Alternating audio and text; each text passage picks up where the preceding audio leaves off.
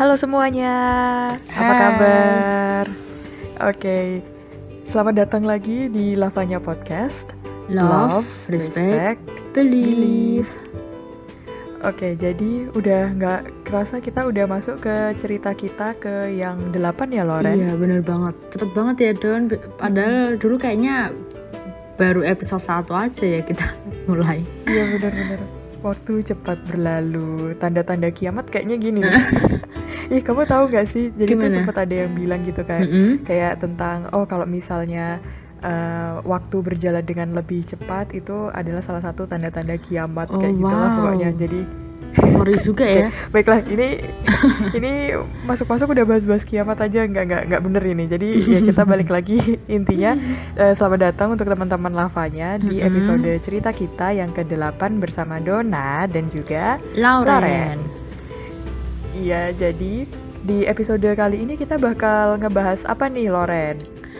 Eh, jadi di episode kali ini kita akan mendengarkan seperti biasa ya beberapa cerita yang dikirimkan ke lavanya dengan tema eh, kreativitas dalam dunia minimalis.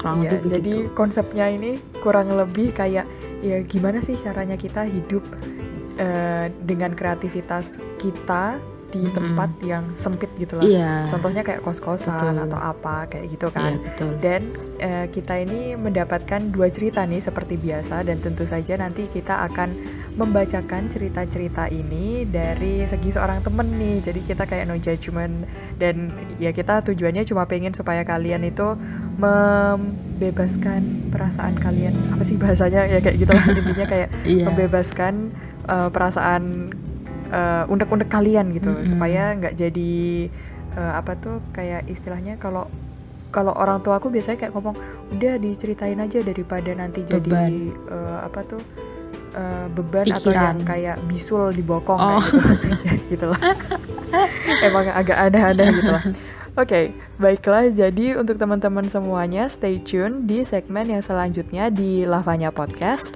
Love, Love, respect, respect, believe.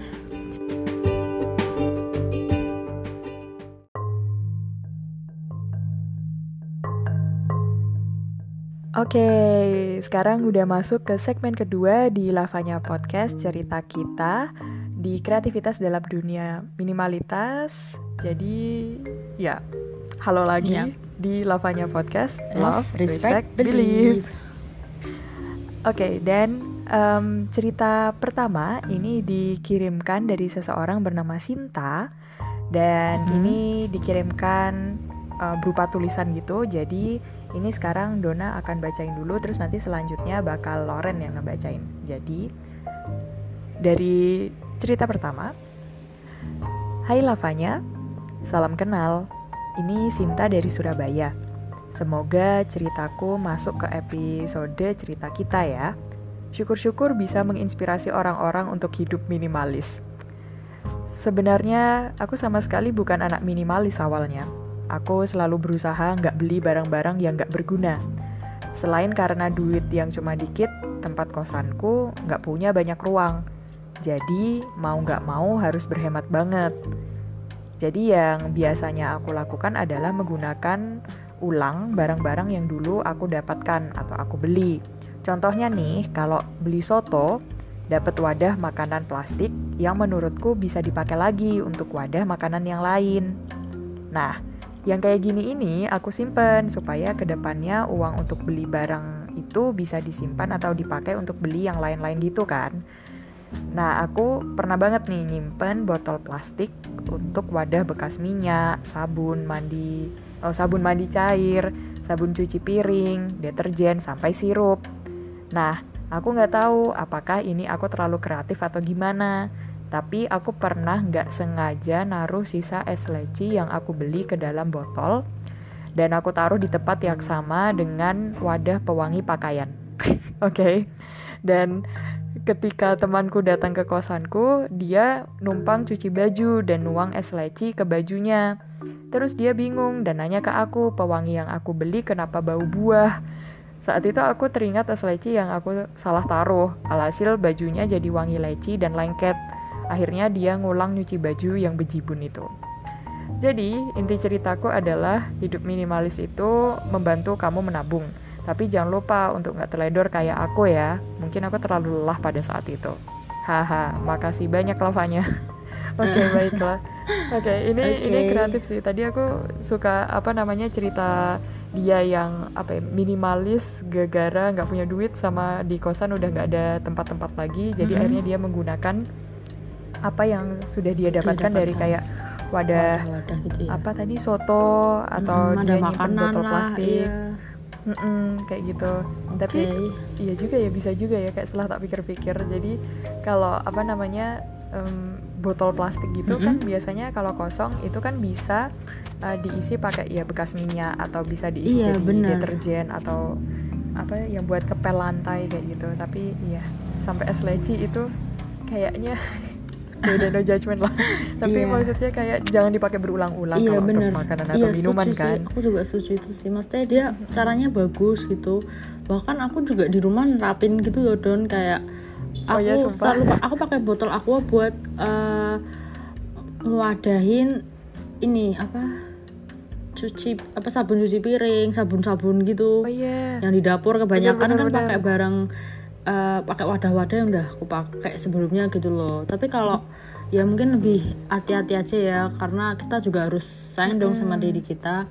Kalau untuk makanan Iya. mungkin cuma bisa satu kali dua kali ya nggak sih don? Kayak nggak bisa berkali-kali Eh, eh, bener, juga bener, gitu. bener. kecuali emang yang wadahnya tuh kayak ada yang bagus banget gitu. Biasanya dari restoran tuh aku pernah dapet kayak apa hampir kayak kaca gitu menurut aku bisa sih gitu. Tapi kalau plastik Eh, eh, eh, Iya. bener-bener Iya, dan untungnya tadi ceritanya bukan temennya tiba-tiba pengen minum es terus keminum deterjen. iya bener. Kayak bener banget. Bagus bagus. Ya untungnya untungnya itu sih apa namanya ini ended up-nya bagus nggak? Yang kayak Mm-mm. eh, berakhir tragis gitulah. Jadi oke aku suka cerita kamu Sinta. Kamu sangat kreatif, kreatif dan sangat mem- mem- Oke, secara nggak langsung membantu lah ya alam Heeh, sayang lingkungan. Sayang lingkungan keren keren keren. Mm-mm. semoga bisa Oke, dicontoh ya dan- sama banyak anak muda yang Eh, lainnya. Uh, sebenarnya menurut kamu sendiri Don uh, mungkin ada nggak sih cara-cara kita bisa ngelakuin kayak si Cinta itu tadi? Banyak kan ya Don? Kayak misalnya kita belanja pakai nggak pakai kantong plastik ya kan? Bener. Kata temanku sih pakai tas yang kita punya aja gitu. Mm, kata temanku sih di Bali tuh udah nggak boleh sama sekali plastik oh iya iya Mm, keren banget sih bener bener bener iya kayaknya kebijakan pemerintah lokalnya juga sih iya. kayaknya ya tuh Heeh, heeh. Oke oke, ya itu juga bagus juga. Jadi kita nggak perlu menghabiskan banyak plastik atau kita nggak perlu menyimpan banyak plastik plastik lagi gitu loh. Jadi Iya. ya bawa tas sendiri aja. iya bener sih. Don bener banget tuh Mm-mm. Oke dan kayaknya cerita kedua juga nggak kalah menarik nggak sih iya Loren? dong jelas Oke, Oke, jadi, jadi, langsung kita aja aku bacain ya cerita Baiklah. kedua. oke. Halo Lavanya Podcast, perkenalkan aku Lulu. Hehe, nama samaran ya ini. Sebagai mahasiswa baru, aku mau cerita nih pengalamanku yang bisa dibilang barulah ya. Karena tinggal jauh dari orang tua. Dan aku harus berusaha secara nggak langsung untuk menata semuanya sendiri mulai dari masalah keuangan sampai ke masalah penataan ruang, makan, dan lain-lain. Jujur, tapi aku excited banget sih. Menurutku, ini adalah salah satu cara untuk mendewasakan diri. Keren-keren. Jadi, sebelum pandemik merebak dan diberlakukan berbagai protokol yang lebih ketat, aku itu udah cari kos-kosan dan udah siap-siap mau berangkat. Meski pada akhirnya semuanya online sih. Aku dapat kos dengan kamar mandi dalam, dengan ruang tamu dan dapur di luar. Kosku itu bener-bener deket banget sama jalan besar, meskipun bukan jalan raya gitu, tapi nggak masuk ganggang lah. Jujur hari pertama rasanya aneh sih, kayak aku biasa tidur sendiri tapi ini tuh tiba-tiba aku bener-bener sendiri dalam artian nggak ada orang tua adik dan kakak aku kebetulan waktu pindahan aku cuma bawa baju dan peralatan tulis seadanya jadi aku putuskan beberapa hari setelahnya belanja peralatan mandi, mencuci, dan lain-lain. Jujur, cukup susah sih ya untuk memutuskan harus beli berapa banyak barang karena tempat yang cukup minim. Biasanya aku di rumah tuh suka banget beli barang yang ukuran jumbo supaya lebih hemat. Tapi kayaknya kalau udah di kos susah deh beli barang jumbo. Gak ada tempat. Malah bikin sumpek dan gak nyaman. Akhirnya aku putuskan sebelum ke toko untuk membeli barang, aku catat dulu semua yang kuinginkan. Karena keterbatasan tempat, aku putuskan untuk beli beberapa barang dalam model sachet. Atau model yang uh, lebih kecil atau compact. Menurutku semua tergantung kita ya. Kalau aku jujur, nggak bisa tuh hidup kebanyakan barang dalam satu ruangan aja. Aku juga memutuskan untuk mulai mengurangi belanja hal-hal yang tidak perlu. And fortunately, it works. Dulu kalau di rumah suka banget lapar mata. Udah punya barang A, eh lihat yang mirip-mirip dengan varian beda misalnya, jadi kepingin akhirnya beli deh. Kalau sekarang prinsipnya udahlah beli satu aja. Habisin dulu baru beli yang lain. Habisinnya aku juga hemat gitu kok. Jadi nggak yang mentang-mentang aku pengen coba varian lain terus aku buru-buru pakai supaya cepet habis sama halnya dengan barang-barang yang nggak sekali pakai macam baju, sepatu, dan lain-lain. Nggak semua bajuku, sepatuku, atau tas-tasku di rumah aku bawa ke sini.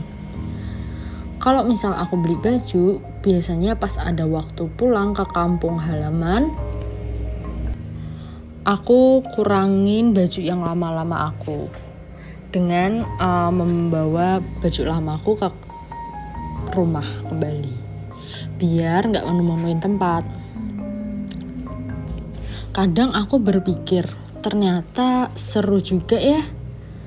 Tinggal sendiri meski ada susahnya juga sih kadang uh, pas masak. Haha nggak bisa masak soalnya tapi setidaknya aku jadi tahu diriku lebih dalam. Bahkan kadang sifat ini mulai terbawa juga ketika aku ada di rumah. Udah jarang banget beli barang karena lapar mata. Hampir nggak pernah. Baik online maupun offline.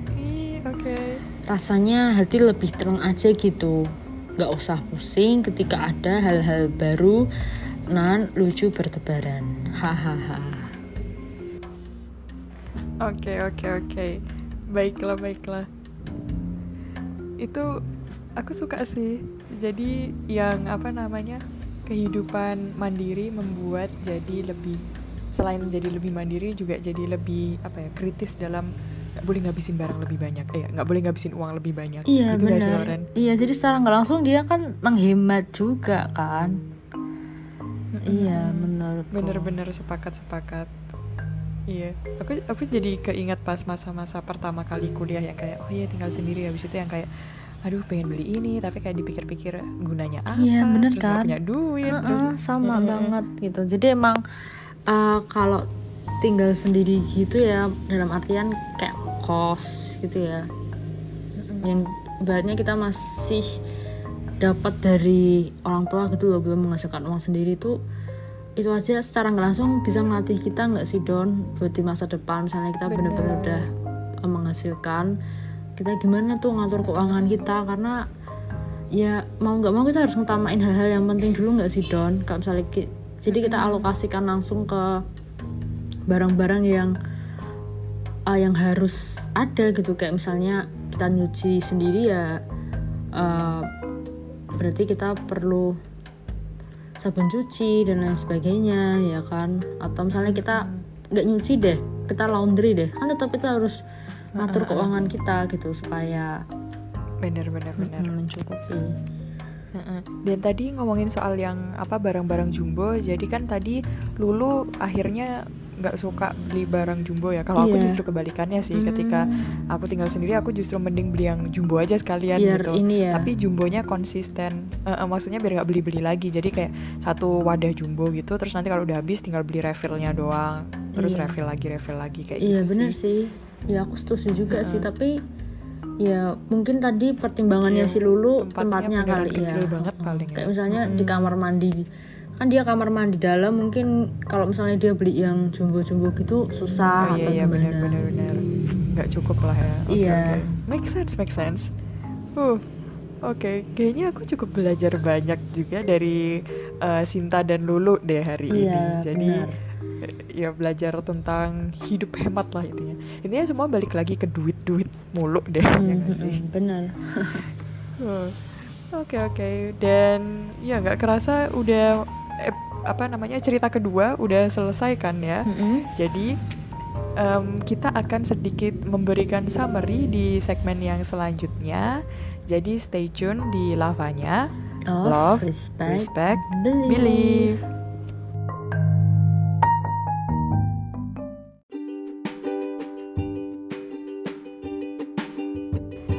Oke, kembali lagi di Lavanya Podcast. love, respect, respect, believe.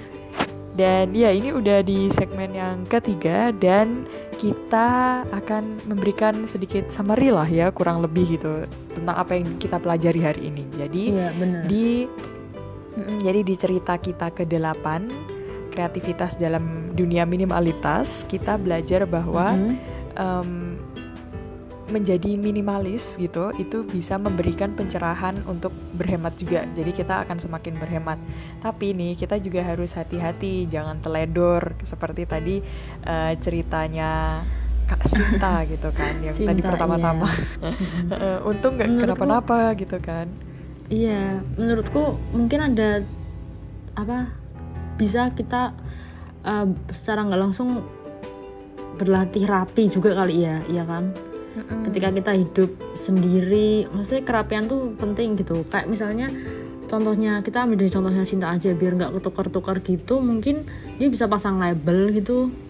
Ini deterjen atau apa dan ya uh, berarti ketika ditulisin deterjen ya jangan dimasukin hal lain gitu selain itu dan naruhnya harus di tempat yang udah ditentukan gitu ini di mana deterjen itu gitu Benar-benar sepakat sepakat. Dan itu mengarah ke summary kita yang kedua nih, yaitu melatih ingatan, kreativitas, kemandirian dan kepekaan. Jadi intinya dengan kita hidup minimalis gitu atau ya itu itu akan melatih ingatan kita, kreativitas kita, kemandirian kita dan kepekaan kita. Jadi dari tadi yang contohnya Sinta itu berarti ya harus eh, sekreatif apa pun itu harus tetap melatih ingatannya supaya ngasih label atau apa. Atau tadi dari ceritanya Lulu oh eh, apa namanya di tempat yang kecil ini justru malah mengasah kreativitasnya untuk ya pakai barang-barang seadanya atau Iya, mengasah kemandiriannya juga kayak Mm-mm. gitu kan.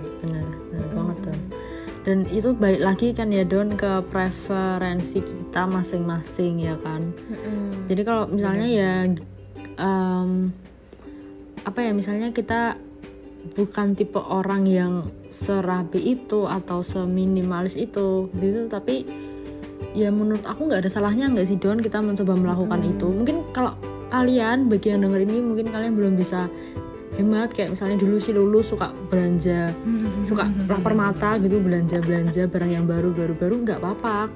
Asalkan em, kalian apa ya merapikan barang-barang itu gitu loh ya. biar enak dilihat ya kan.